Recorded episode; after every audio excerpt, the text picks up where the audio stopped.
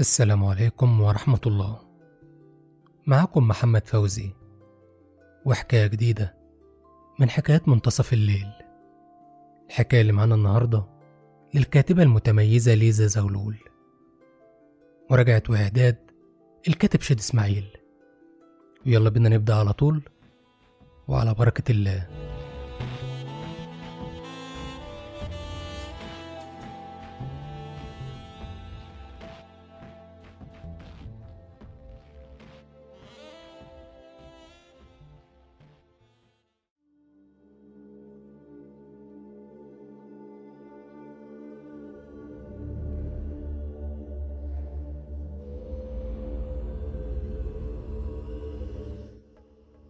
أمين سعد الدين أبو طلال. الشهير بسرنجة. جايز تحس إن ده لقب مضحك. بس هو ملازمني من أول ما دخلت الجامعة. مشهور بين صحابي بالاسم ده علشان أنا الوحيد اللي فشلت فيهم من وجهة نظرهم هم. مجموعي ما جابش طب. بس أهو. لحقت القطر برضه ودخلت علوم وبقيت دكتور تحاليل قد الدنيا. علشان كده بيقولوا لي دايما سرنجة راح وسرنجة جه. وكأن لقب دكتور والشهادة اللي مبروزها ملهاش لازمة عندهم. في حكاية اللي هحكيها لكم دي عايزك تفتكر حاجتين مهمين قوي. أولهم إن اسم أمين وحط تحتيه اسم خط. وتانيهم هتعرفه مع الوقت وأنا بحكي لك. المهم كنا رايحين سيوة. قلنا نخطف كام يوم والدنيا هادية. وده كان اقتراح منصف صاحبنا. قعدنا نخطط ونظبط فترة محترمة. لحد أجازتنا ما ظبطت مع بعضها. إحنا أربع صحاب من أيام إعدادي أنا ومؤمن ونادر ومنصف.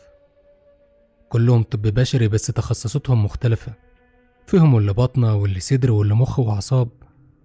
كنت أنا الوحيد اللي خرق القاعدة بتاعة الشلة وده طبعا مش بإيدي. أنا مجموعي ما جابش طب وما كنتش أقدر أغصب على والد الله يرحمه ودخلني جامعة خاصة رغم إن مستوانا الاجتماعي كويس جدا. بس كنت شايف إن التكاليف اللي هتدفع دي أولى تروح في تجهيزات فرح أختي. وأنا ساعتها قلت علوم حلوة وهطلع منها دكتور تحليل ومش فارقة أحمد من محمد. أهو كله هياخد اللقب وهيتحط قدام اسمه حرف الدال والشرطة المايلة اللي مميلة حالنا كلنا معاها. الصراحة كنا متفقين نسافر يوم الحد بس من حيث القدر طلع لي مرور مفاجئ من الوزارة يوم الأربع مش معقولة هروح الحد وأرجع الأربع فاتفقت معاهم أروح لهم الأربع الفجر. ما كنتش بعمل حاجة غير إني بتفرج على صورهم على الإنستا وجروب الواتس وبلعن حظ المهبب علشان رمان الرمية دي. يوم التلات بالليل حضرت شنطتي ونمت ولما صحيت نزلت الشغل على طول بحيث أخلص وأرجع أخد شاور وأطير عليهم. كان يوم طويل ومرهق جدا. خلصت شغلي ولولا زنهم كنت كبرت دماغي ونمت بس ما كانش ينفع. دخلت البيت ظبطت أموري وعملت قهوة وشربتها على الواقف علشان ألحق الطريق وخدت الشنطة ونزلت. كنت عارف إن الطريق هياخد مني حوالي سبع ساعات إلا ربع. بين اسكندرية وسيوة 607 كيلو. كل اللي فاكره إنه وأنا طالع من زاوية العوامة شفت يافطة مكتوب عليها فوق على بعد 50 كيلو. بس للأسف بعد كام دقيقة وقبل ما أوصل فوكة العربية عطلت مني. حاولت اتصل بحد من اصحابي يجي ياخدني أو اكلم النجدة لكن الشبكة كانت وحشة جدا فاضطريت انزل اتمشى شوية في المكان علشان الاقي شبكة. رغم اننا كنا لسه بالنهار الا ان الطريق ما كانش فيه عربيات بتعدي. ولو صدفت وعدت ما بترضاش تقف أصلا مهما شاورت لها. موبايلي اداني تحذير ان البطارية ضعيفة. رجعت جري على العربية علشان احطه على الشاحن بس على ما وصلت كان فصل. دخلت العربية وشغلت اللوك. في مكان مقطوع زي ده مش هقعد وسايب أبواب العربية تتفتح عليا عادي. قلبت العربية على سلك الشاحن ما كانش موجود. فقلت بيني وبين نفسي ال power bank أنا حاطه امبارح في الشنطة بإيدي. لفيت وجبت الشنطة من على الكنبة اللي ورايا. قلبتها وما لقيتش ال power bank ولا حتى السلك. خبطت على راسي وافتكرت سهى أختي. دخلت عليا الفجر واستأذنت إنها تاخد ال power bank علشان بتكلم خطيبها في البلكونة. أنا نسيت أشيك عليه وأشوفها حطته في الشنطة تاني ولا لأ؟ نزلت من العربية وبدأت أشيك على السير والزيت وأشوف الدنيا فيها إيه على حسب خبرتي يعني. بس فجأة حسيت بصوابع بتتحط على ظهري. كانت إيد باردة وصوابعها رفيعة. أنا من كتر الخوف ما كانش عندي الجرأة إن أبص ورايا. الدم اتجمد في عروقي. ما كنتش عارف أبلع ريقي. وحسيت إن جسمي مشلول. لحد ما سمعت صوت بيتكلم بلغة غريبة. ودي كانت الخضة اللي بجد لما لفيت وشي. لقيت بني آدم. آه كان زيه زيي. بس طويل شوية ورفيع حبتين. عينيه مسحوبة جامد وبشرته لونها قمحي غامق. وقتها اتكلم وقال كلام ما قدرتش افهمه. العربي بتاعه كان صعب يتفهم. طلبت منه يكرر كلامه تاني. فاتكلم المرة دي بشكل أبطأ وقال إنت بتعمل إيه هنا في الوقت ده؟ كنت خايف أتكلم. حاجة جوايا كانت بتتنفض. أول ما شال إيده من عليا حسيت إن روحي ردت لي. رجعت خطوة لورا وقلت له مفيش العربية عطلانة. خير إن شاء الله. بسيطة مش مستاهلة خوفك ده كله. بلعت ريقي بصعوبة وقلت له أنا مش خايف. إيه اللي ممشيك لوحدك في طريق زي ده؟ وفي الوقت ده؟ خفت أقوله إن لوحدي يستغل الموقف ويعمل فيا حاجة. فكدبت عليه وقلت له مش لوحدي ولا حاجة صحابي كانوا هنا معايا بس سبقوني. وبعدين وقت زي ده إزاي يعني؟ ماله الوقت؟ إحنا داخلين على نص الليل يا ابني والليل مش أمان على الطريق. انت مين؟ وبتعمل إيه هنا؟ وليه كنت بتتكلم الأول بلغة غريبة؟ ضحك بصوت عالي وقال لي اسمي مخلوف بلدي على بعد كيلو ونص من هنا. لغة غريبة إيه اللي كلمتك بيها؟ إحنا لهجتنا هنا مختلفة بس لما لقيتك مش فاهم كلمتك بلهجة عادية. انت من العرب؟ أيوه بالظبط كده. لهجتنا مش الكل بيفهمها. هو فاضل قد إيه على فوكا؟ فوكا؟ آه مش هي البلد اللي جاية؟ لا البلد اللي جاية عركز كفر عركز إيه ده؟ أنا أول مرة أسمع اسمها. دي ملهاش أثر على ال GPS أصلا. صح. عركز دي بلد صغيرة. عشر بيوت جنب بعضها ومش على الطريق. تفتكر هيقولوا عليها بلد؟ ويعملوا لها خدمات ومرافق. طب ما لقيش حد بيصلح عربيات قريب؟ موجود بس كله بتمنه. هتدفع. هدفع مفيش مشكلة. طيب اقفل عربيتك وتعالى معايا. حاضر. فضلنا ماشيين شوية محترمين لحد ما ندهت عليه. مخلوف.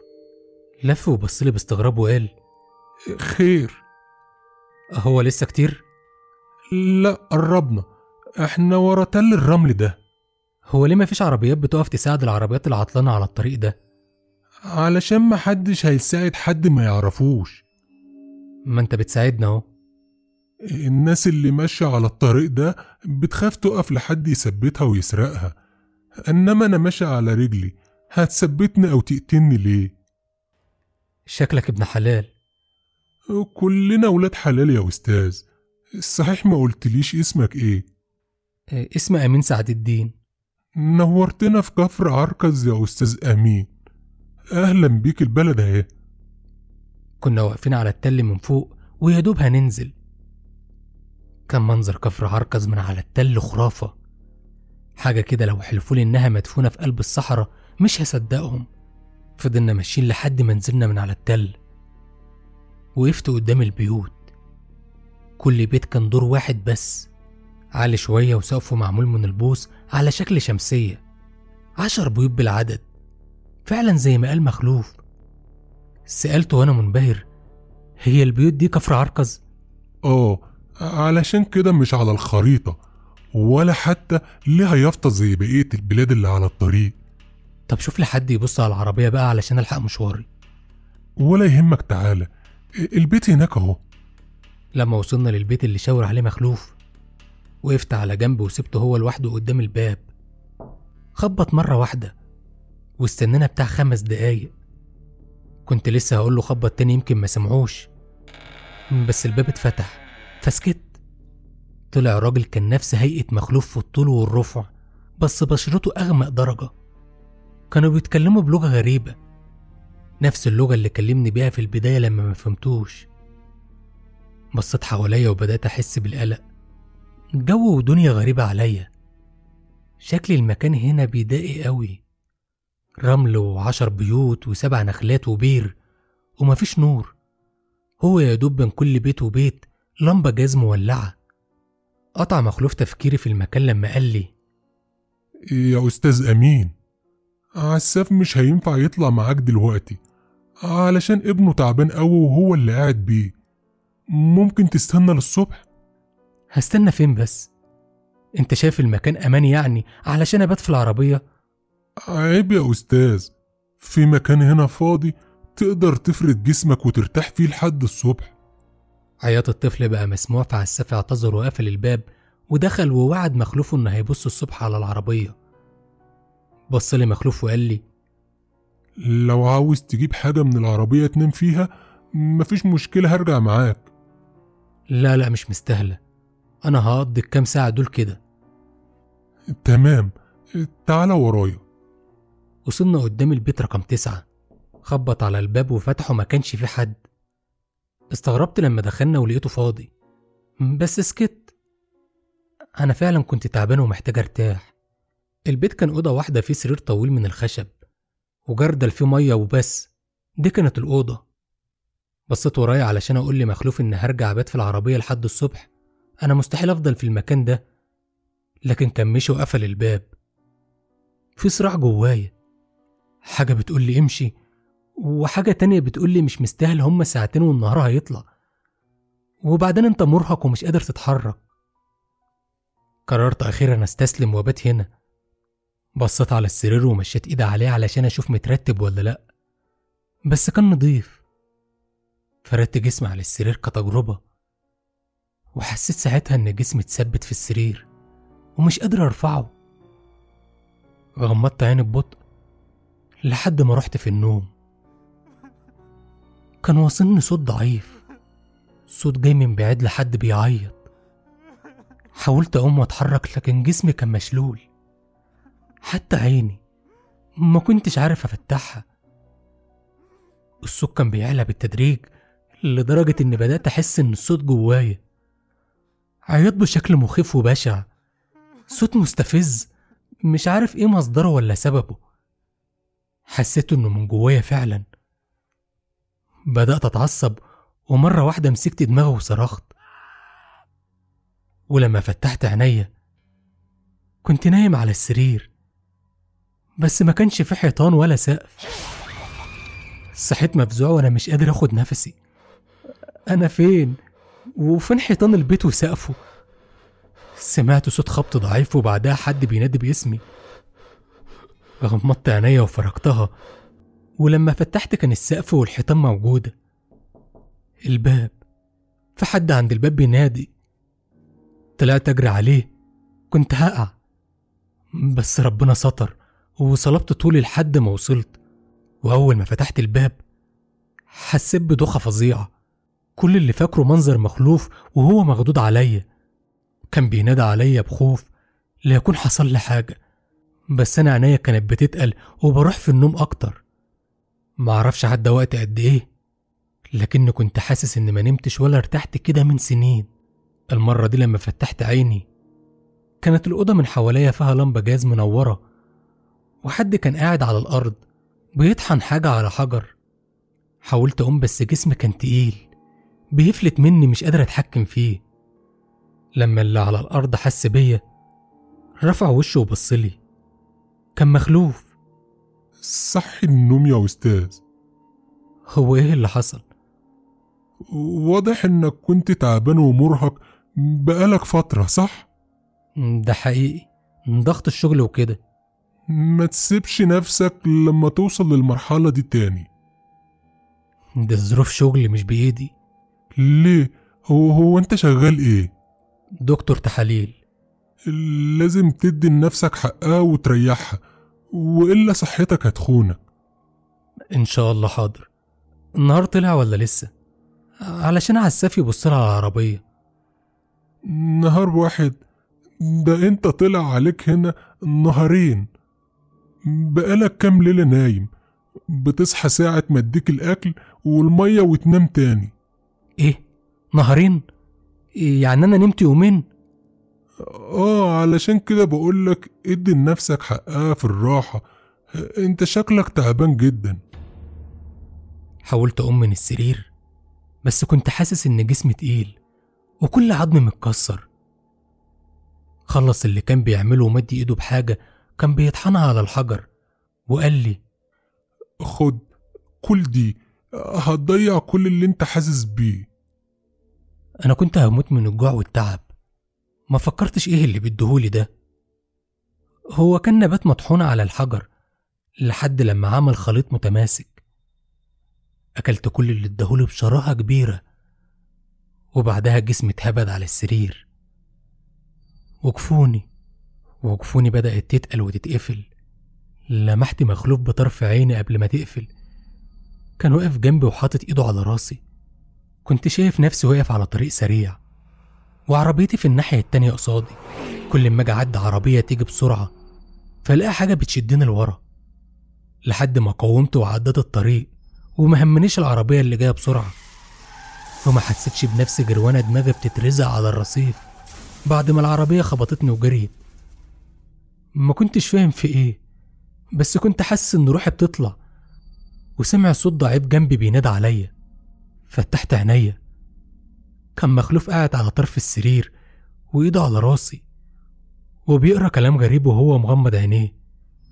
حسيت إني دايخ حاولت أقوم واتحرك لكن عساف شاور لي افضل مكاني ثابت. خلص مخلوف وبصلي وقال كنت في كابوس وكنت بتموت فيه. أ- أنا أنقذت حياتك.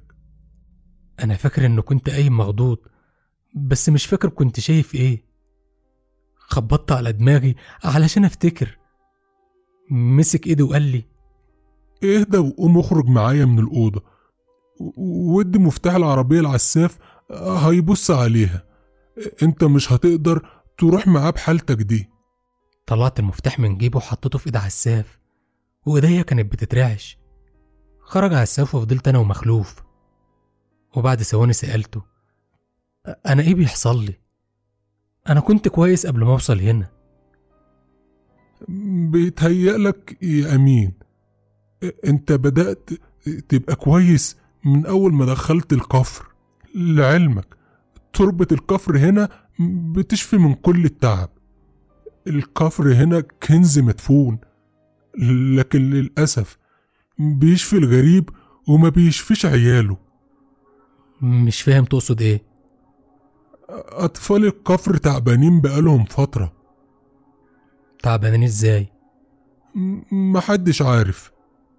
طيب ما عرضتهمش على دكتور؟ كتير. راحوا لدكاترة كتير بيدوهم أدوية والأطفال تتحسن يومين وترجع حالتهم أسوأ من قبل. تعال تعال نتمشى بره. طلعنا بره البيت وفضلنا نتمشى حوالين المكان. كان في أسئلة كتير بتدور في بالي وبدأت أسألها المخلوف. هو ليه البيوت هنا شكلها غريب؟ إحنا ورثناها كده. من مين؟ جدودنا. جدودنا هم اللي بنوها. يمكن كان في سبب لشكل البيوت بس ده محدش فينا دلوقتي يعرفه. هو ليه البلد دي اسمها كفر عرقز؟ بيقولوا إننا جينا من قبيلة سكنت المكان ده من زمان. كانت اسمها قبيلة عرقز. وبعد مرور الأيام بقى اسم المكان كفر عرقز. مشينا لحد بيت. قال لي إن بيته وطلب مني أدخل معاه. البلد هنا شكلها ساحر بشكل أنت مش ممكن تتخيله. رملة حواليك من كل مكان وبيوت شكلها مريح وكل حاجة هادية من حواليك. لدرجة بتخليك تنام على نفسك من غير مقاومة. كان ده اللي بيحصل لي في كل مرة أفكر فيها إن أمشي من الكفر. كنت حاسس إن في حاجة بتشدني ليها. دخلنا البيت وقعدني في ركن من الأركان وقال لي هجيب لك حاجة وواجي وفجأة نمت. نمت من غير ما أحس. كنت سامع صوت عياط كتير. صوت صريخ مزعج. الصوت مش بيقف كنت فاكره إنه حلم. فتحت عيني ببطء كنت شايف السقف نفسه بس الأصوات ما انتهتش. فضلت بتتردد ومخلوف كان ماسك كتاب بيقرأ منه. اتحركت في اتجاهه ابتسم وقال لي أخيرا صحيت. أنت إيه حكايتك مع النوم؟ نوم إيه بس؟ ده أنا سامع صوت عياط وصريخ مش راضي يطلع من دماغي. أنت بقالك سبع ساعات نايم. ولو على الصوت ما تقلقش ده صوت الأطفال. هما ليه بيعيطوا؟ ما قلتلك قبل كده تعبانين. وانتوا اتأقلمتوا مع تعبهم؟ مش هكدب عليك اللي بيموت بندفنه وخلاص واللي بيكمل اهو مكتوب له يعيش. ثانية بس هي الأطفال دي أعمارها قد إيه؟ وبتشتكي من إيه؟ بتسأل ليه؟ الوضع ده بصراحة ما يرضيش حد. ممكن يكون في مرض منتشر في المكان وهو اللي عامل فيهم كده. طيب اشرح لي إيه المطلوب دلوقتي مني؟ أقابل الأطفال بأمهاتهم. الأطفال عادي لكن أمهاتهم مستحيل. ليه مستحيل؟ ممكن يتكلموا معايا من ورا حجاب أو ستارة. الأطفال هيجيبهم أبهاتهم مفيش أمهات. تمام وماله؟ خلينا أبص عليهم وأشوف أعراض حالتهم. خرج مخلوف وغاب بتاع عشر دقايق. وبعدها رجع وقال لي إن كل أب هيجيب عياله. وبعد دقايق بدأوا يجوا البيت واحد ورا التاني وكل واحد معاه عياله. عظم مكسى على جلد. شبه الأطفال اللي بنشوفهم في الدول اللي فيها مجاعات. عينهم مبرقة ووشهم صغير وجسمهم رفيع. وطولهم زي أهلهم. ملفت للنظر. كنت خايف أقرب منهم. الأطفال دي من قبل أي فحص فيها حاجة غلط. النظرات التعامل ورد الفعل لكني قاومت خوفي ودونت أغلب الشكاوي اللي كانت بتتمثل في ضبابية في الرؤية فقدان سريع في الوزن وحرارة عالية وعياط مستمر مع تساقط الشعر واحمرار لمناطق معينة في الجلد. كل الأعراض كانت متشابهة بالملي عند الكل. لما مشي وبصيت لي مخلوف وقلت له أنا محتاج شنطة الإسعافات من عربيتي ضروري هو عساف رجع؟ لا لسه مرجعش ياه! كل ده؟ طب حاول تبعت حد يطلب منه شنطة الإسعافات بسرعة. ليه خير؟ محتاج أخد عينة من الأطفال دي الوضع ممكن يبقى كارثي. الكفر ده ممكن يبقى فيه بؤرة لتفشي مرض جديد. هشيح حد يجيبها لك. بعد ساعة ونص من الانتظار وحرق الأعصاب دخل عساف وكان وشه مليان أسف. العربية سليمة بس مش راضية تدور. مش عارف فيها إيه. جبت شنطة الإسعافات ظهر واحد من ورانا والهالي بصت لي مخلوف وقلت له زي ما اتفقنا عاوز ست أطفال كعينة عشوائية حاول تدخلهم وتكتفهم علشان أقدر أسحب العينة منهم. وفعلا كتفوهم وخدت العينات اللي كنت محتاجها. وبعد ما خلصنا في واحد جه على مخلوف وسمعت صوت همس بيهمس في ودني دي فرصتك خد العينات وامشي علشان لو في مصيبة تلحقها. ما استنيتش استأذن منه. سحبت شنطة الإسعافات ومشيت ووصلت العربية وقفت يجي بتاع ربع ساعة بحاول أوقف أي عربية لكن مفيش دخلت العربية لما حسيت إن الجو برد وبقول يا هادي وبجرب العربية اشتغلت. كنت حاسس إن الفرحة مش سيعاني حسيت إن دي إشارة علشان أنقذ الأطفال الصغيرين دول. أخدت اليوتيرن لحد ما وصلت لأول ريست. نزلت واشتريت شاحن. ورجعت العربية وحطيت الموبايل يشحن. بصيت للعينة أنا لازم أوصل اسكندرية في أسرع وقت. ما كانش عندي رفاهية الانتظار. خدت شوية مخالفات على الطريق هيقطموا وسط في دفعهم. بس مش مهم أهم حاجة حياة الأطفال دي. ما روحتش على البيت رحت على المختبر الأول. دخلت العينة المختبر وسحبت عينة لنفسي. أنا لازم أطمن على نفسي إن ما تنقلش العدوى نفسها. وإلا هتبقى كارثة. والحمد لله تحليلي طلع سليم. لكن للأسف الأطفال النتائج بتاعة تحليلهم كلها بتقول إنهم مصابين بفيروس غريب. مش معروف عنه أي حاجة خالص. لا في المعاجم ولا في الموسوعات. أعراضه والحالة بتاعته زيرو. محدش عارف حاجة عنه. كنت مصدوم من النتيجة. ومش عارف أتصرف إزاي. بس وقتها فكرت إن رجوع للكفر ده تاني ملهوش لازمة. هرجع ليه من غير ما يبقى في ايدي حاجة تساعد الأطفال دي؟ هرجع أقول لهم أنتوا أطفالكم عيانين بفيروس جديد العالم كله أول مرة يسمع بيه. حاولت أتواصل مع كذا حد بره وجوه البلد طول اليوم لكن النتيجة كانت واحدة. محدش يعرف حاجة عن الفيروس ده. عقلي كان هينفجر. ركبت العربية ومسكت موبايلي فتحته وتنحت. أنا كنت مسافر يوم الأربع 30 مارس. النهاردة الخميس 31 مارس. إزاي؟ أنا عدى عليا كذا ليلة في البلد هناك. عشت فيها وقت كتير. كنت بنام واصحى وكذا ليل وكذا نهار. إزاي ما عداش غير يوم واحد بس؟ طب ما حد سأل عني ولا لاحظ غيابي من أصحابي ولا اتصلوا بيا. ما جاليش مسج واحد إن في حد حاول يرن عليا. مش فاهم إيه اللي بيحصل. رجعت البيت رميت الموبايل ونتيجة التحليل وسبت جسمي للسرير. دفنت نفسي في البطانية وكنت حرفيا محتاج أحس بالأمان. كنت حاسس بالخوف بس من إيه مش عارف. يمكن مستقبل الأطفال المجهول اللي كان بين إيديا أو خوفي من إن في كارثة تحصل وأنا واقف متكتف. حاولت بكل الطرق إن أطرد التفكير ده من دماغي وأنام بس مش كل اللي بتتمناه بتلاقيه. فضلت صاحي وما نمتش. عدى وقت طويل وأنا في أوضتي بالوضع ده. باصص على السقف ومستسلم. لحد ما أختي دخلت تصحيني علشان في حد بره طلب يقابلني. على ما غسلت وشي ولبست هدومي وطلعت ما لقيتش حد. كان باب الشقة مفتوح. ناديت على أختي اللي جت من المطبخ جري وفي إيديها كوبايتين عصير بصت لي باستغراب هو مشي؟ ده أنا يا دوب دخلت أعمل العصير. أنا طلعت ما لقيتش حد. بس باب الشقة كان مفتوح. يبقى مشي أنا قفلت الباب لما دخل. حد من أصحابي؟ لأ واحد غريب معرفوش. رفيع وطويل شوية ولما سألته هو عاوزك في إيه قال لي إنها مسألة حياة أو موت وإنك لما تشوفه هتعرف. أول ما سمعت طويل ورفيع عين الشمال رفت وقلبي دق بسرعة ولقيتني بقول لها في عصبية. هو انت مش هتبطلي سذاجة؟ حد عاوزني يستأذني بره الباب؟ مش تدخلي حد غريب بيتنا. أهو اختفى. قمت وأنا مش شايف قدامي من العصبية والخوف. قلبت الشقة حرفيا بس ما كانش في أثر لأي حد. دخلت أوضتي وقعدت على المكتب قلت أفتح التقرير أبص فيه بس ما لقيتهوش. يبقى فعلا شكوكي كانت في محلها. اللي جه كان جاي علشان ياخد التحاليل. دفنت راسي بين إيديا وغمضت. حسيت بهوا سخن حواليا. وفجأة جسمي كله اترعش. فتحت عينيا بفزع وبصيت حواليا. سمعت ضحكة خفيفة. وتخيلت بظل أسود واقف جنب الدولاب. كنت حاسس إن قلبي هيقف من كتر الخوف.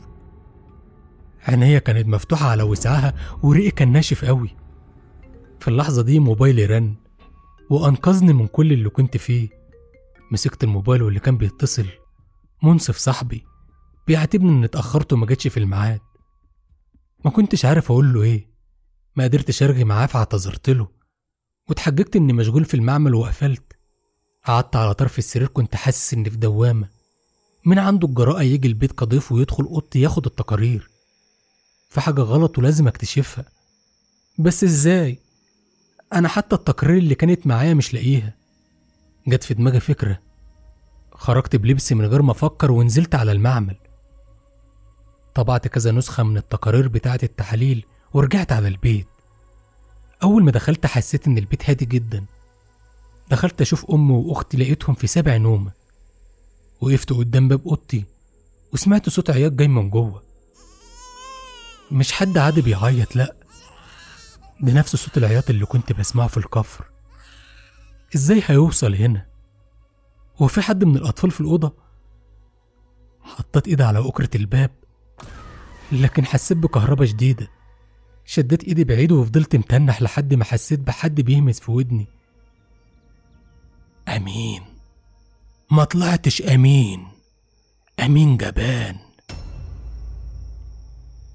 بلعت ريقي بصعوبة واتلفت حواليا. الطرقة كانت ضلمة بس فيها لفحة هوا بارد. بصيت ناحية باب أوضتي تاني. صوت العياط والصراخ لسه موجود. وفجأة حسيت بحد بيتحرك حواليا وقبل ما ألحق أشوف في إيه كانت في إيد محطوطة على كتفي. الدم اتجمد في عروقي وغمضت عينيا وما بقاش على لساني غير كلمة يا رب لحد ما سمعت صوت أختي. في إيه يا أمين مالك؟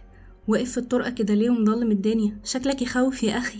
اتنهدت وطردت الخوف اللي كان جوايا سمع الصوت اللي طالع من الأوضة آه صوت إيه؟ انت سايب اللاب شغال ولا إيه؟ وسع كده. أختي فتحت الباب ودخلنا والأوضة كانت ضلمة. ولعت النور وساعتها لقيت كل حاجة في مكانها عادي. ومفيش ولا صوت عياط ولا في أي حد. كل حاجة مترتبة وفي مكانها. حتى التقارير اللي اختفت وكانت عليها توقيعي لقيتها مكانها على المكتب. ما بقتش فاهم إيه اللي بيحصل لي. بس في حاجة غلط. طلبت من أختي تخرج بره الأوضة وتسيبني لوحدي. وبعدها قفلت على نفسي وقعدت على الأرض. بدأت أراجع اللي حصل لي من أول ما صحيت يوم الأربعاء.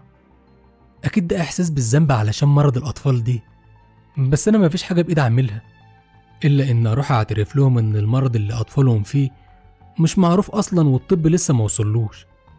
بس الوقت الوقت بيعدي بسرعة في المكان ده. أنا مش عارف أنا خايف من إيه. رميت نفسي على السرير وغمضت عيني. شفت مخلوف والأطفال ملمومين حواليه.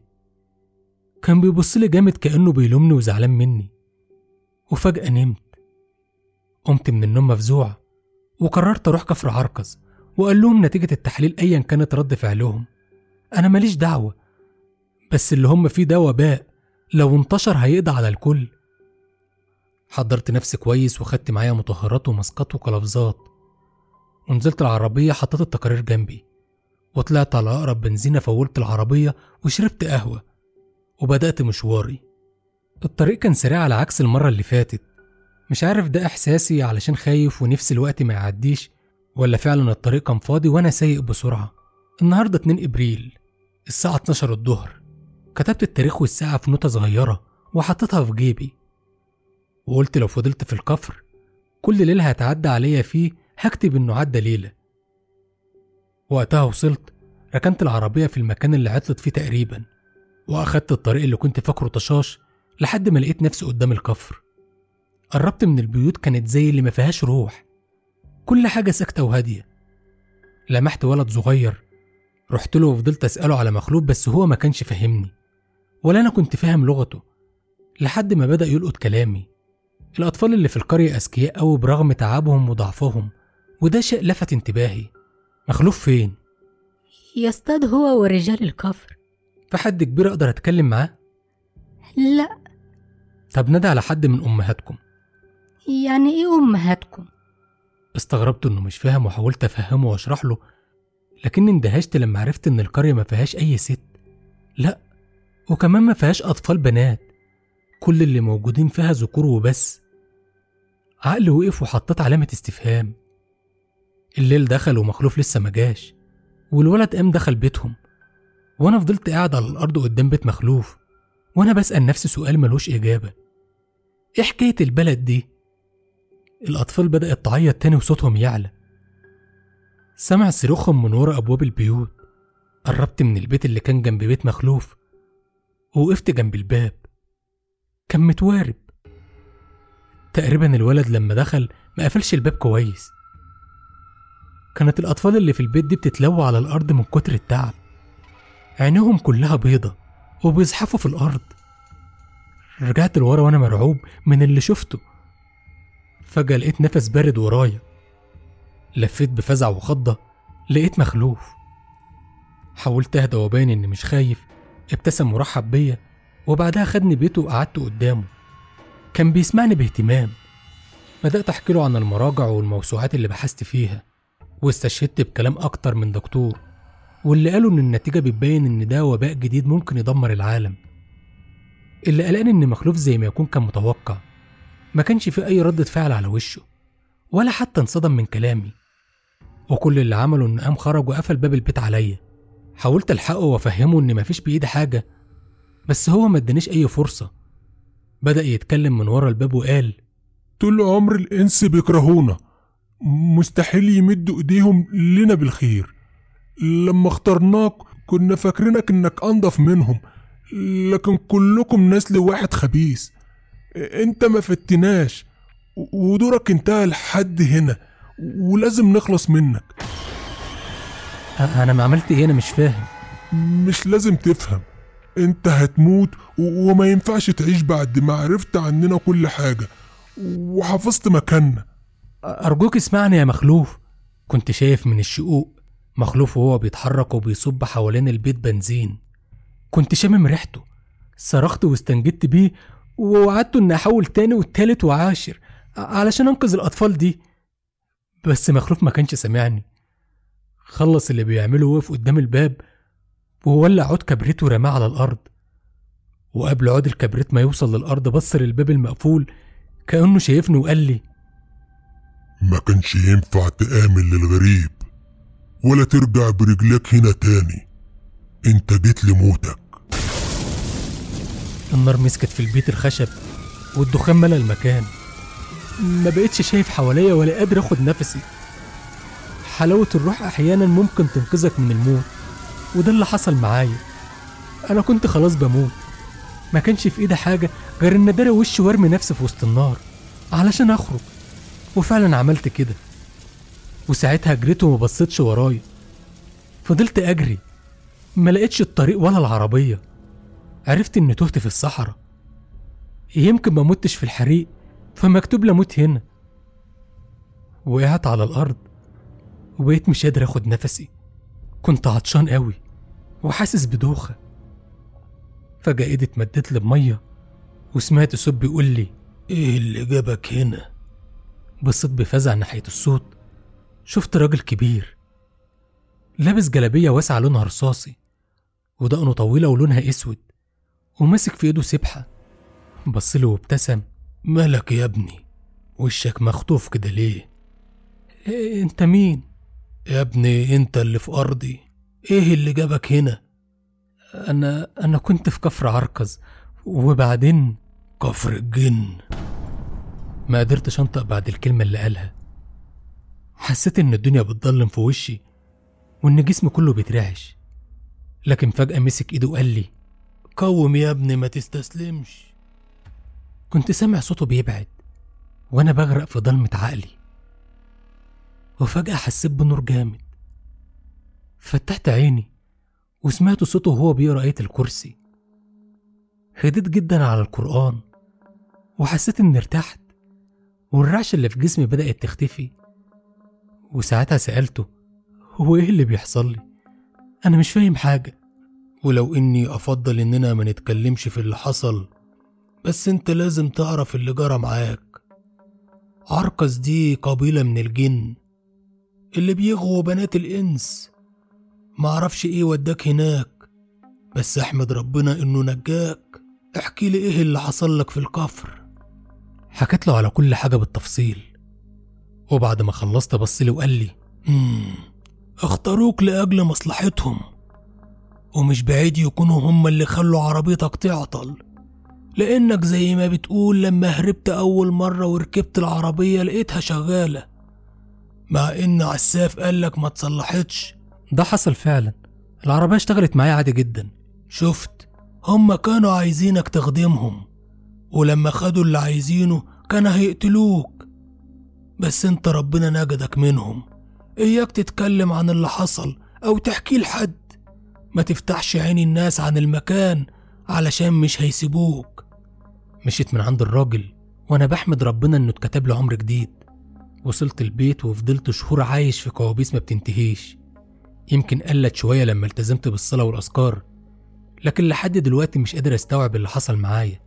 وغصب عني بفكر فيه كل شوية ورغم إنه عدى سبع شهور على اللي حصل بس لسه فاكر كل تفصيلة في القرية حتى صوت عياط الأطفال لسه بسمعه كل يوم بالليل.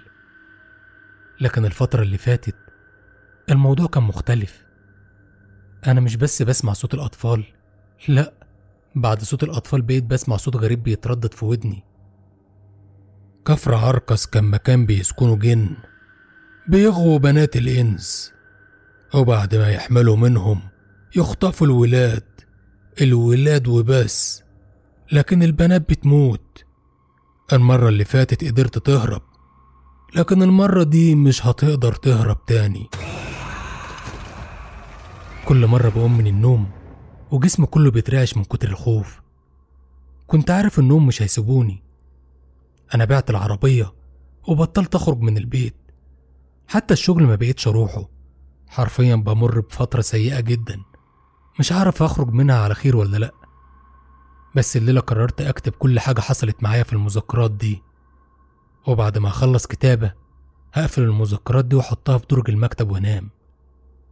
بس مش عارف هقوم تاني ولا لأ. دي كانت المذكرات اللي كتبها أمين أخويا قبل ما يموت بيوم واحد. لقيتها وأنا بدور في حاجته. مش عارفة ليه ما قالناش كل ده قبل ما يحصل اللي حصل. بس أنا قررت إن أبعتها عشان الناس تعرف اللي حصل لأمين وياخدوا بالهم. ويا ريت يا ريت محدش يروح هناك تاني. كفر عركز وبكده تكون انتهت الحكاية اللي معانا النهاردة. حابب جدا أشكر ليزا زغلول على كتابتها للقصة. وأشكر شاد إسماعيل على مراجعة وإعداد القصة وكمان أشكر مصطفى المصري على الهندسة الصوتية وأتمنى تكون الحكاية عجبتكم. ولو عجبتكم يا ريت تسيبولنا like و comment ويا ريت كمان تشارك القصة دي مع حد من حبايبك علشان عيلتنا تكبر أكتر وأكتر. ولو أنت جديد معانا فيا ريت تشترك في القناة وتفعل زر الجرس علشان يوصل لك كل جديد. وأشوفكم في حكاية جديدة والسلام عليكم ورحمة الله.